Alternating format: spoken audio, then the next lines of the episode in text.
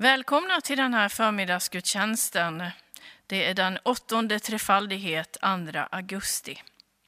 Temat för gudstjänsten är andlig klarsyn och det kommer att vara textläsning från Jeremia, det sjunde kapitlet. Varmt välkommen hit och vi börjar med att sjunga en gemensam sång, 770, Lova Herren min själ.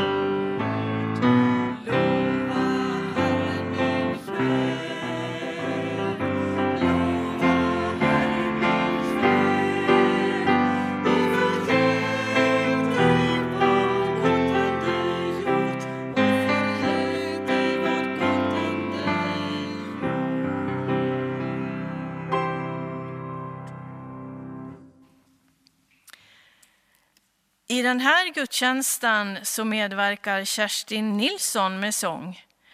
Rolf Johansson medverkar med musik, sång med Rolf och Ingrid Gabrielsson och för tekniken svarar Johannes Ekstener. Och själv heter jag Eva Joelsson.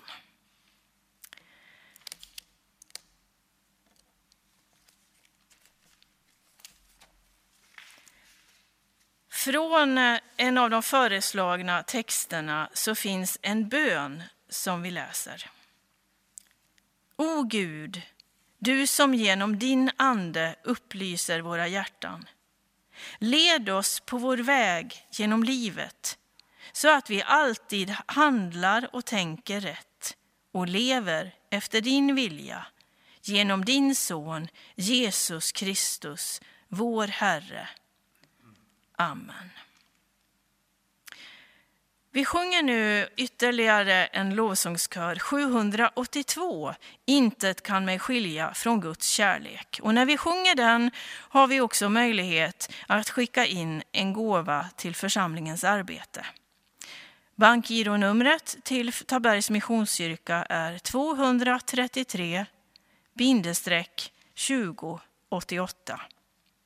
Swishnumret är 123 363 413 6. Och de här uppgifterna finns också på tabergsmissionskyrka.se. Vi sjunger 782.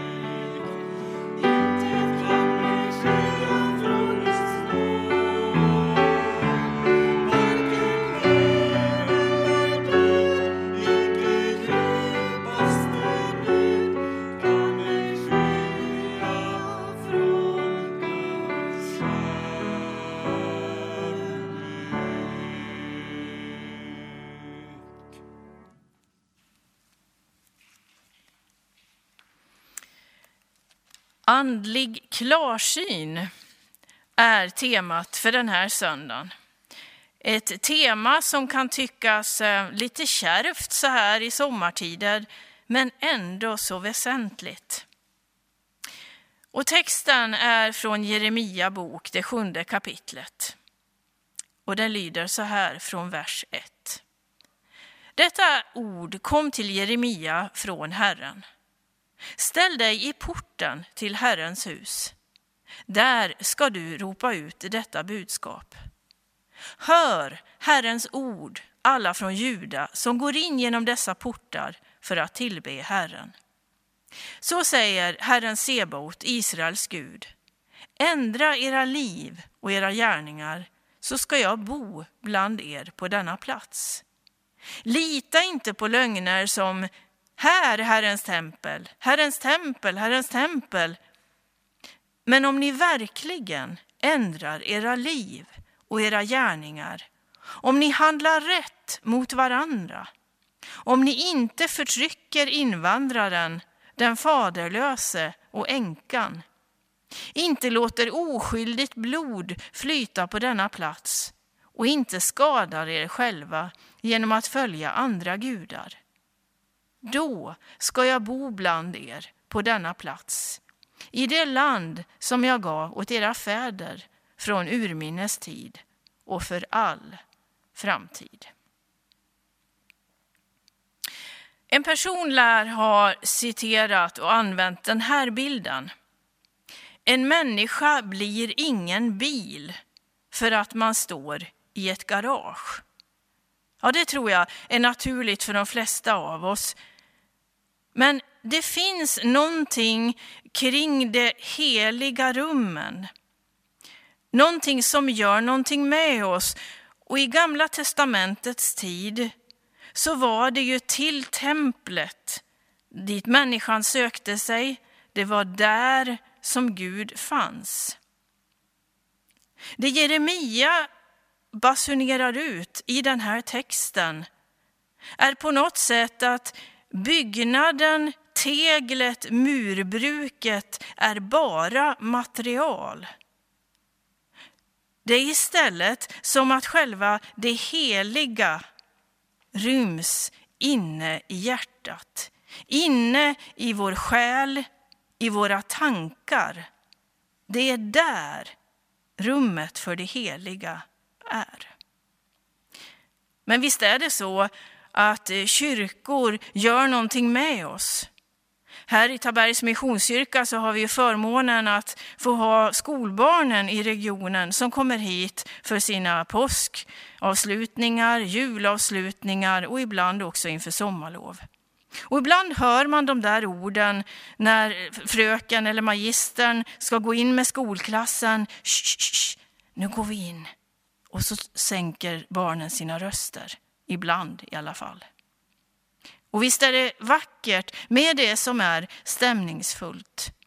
Med en hög takhöjd, med en fin akustik, med vacker interiör, med meningsfulla symboler som gör att vi kommer närmare kontakt med det heliga. Visst är det vackert och det är en motpol till bruset, till det kommersiella, till det som ibland pulserar och stressar oss utanför. Men likväl så betonar Jeremia att rummet, kyrkan, är inte det avgörande. Och inte ens templet som var den plats som folket verkligen fick kontakt med Gud igenom. Nej, Jeremia betonar istället människan är fortfarande densamma. Det var som att folket hade fått en för stor tilltro till templet. Alltså genom att gå dit och sen gå därifrån så har det skett en transformation och så tänkte man då har man blivit någon annan. Men eh, Jeremia betonar något annat. Det han istället uppmanar till är böj våra knän, tillbe Herren, rikta fokus, hedra och vörda levande Gud. Jeremia är inte intresserad av akustik eller inredning i första hand. Nej, istället betonar han genom Guds ande ändra livet, ändra kursen och reflektera över våra motiv och över våra gärningar. Omvändelse. Jag tror det är här det ordet har kommit till. En ny riktning. Istället betonar Jeremia, vi får reflektera och be Gud ibland om tydlig förlåtelse. För en tid sedan hade vi besök av en familj här i kyrkan i samband med en inspelning av en gudstjänst. Där personen berättar att jo, han träffar en kompis då och då. De träffas, de pratar och så ber de och de bekänner också sina synder för varann. Jag tycker det är fantastiskt. Att i mötet med Gud så får vi lägga av oss det som tynger, det som är smutsigt, det som är en tyngd i våra liv. Men det stannar inte här i relationen bara med själva Gud, utan Jeremia betonar också att mötet med Gud gör någonting i vår relation till vår medmänniska. Här skapas en ökad empati. Och ett politiskt ord som idag inte står så högt i kurs, men solidaritet.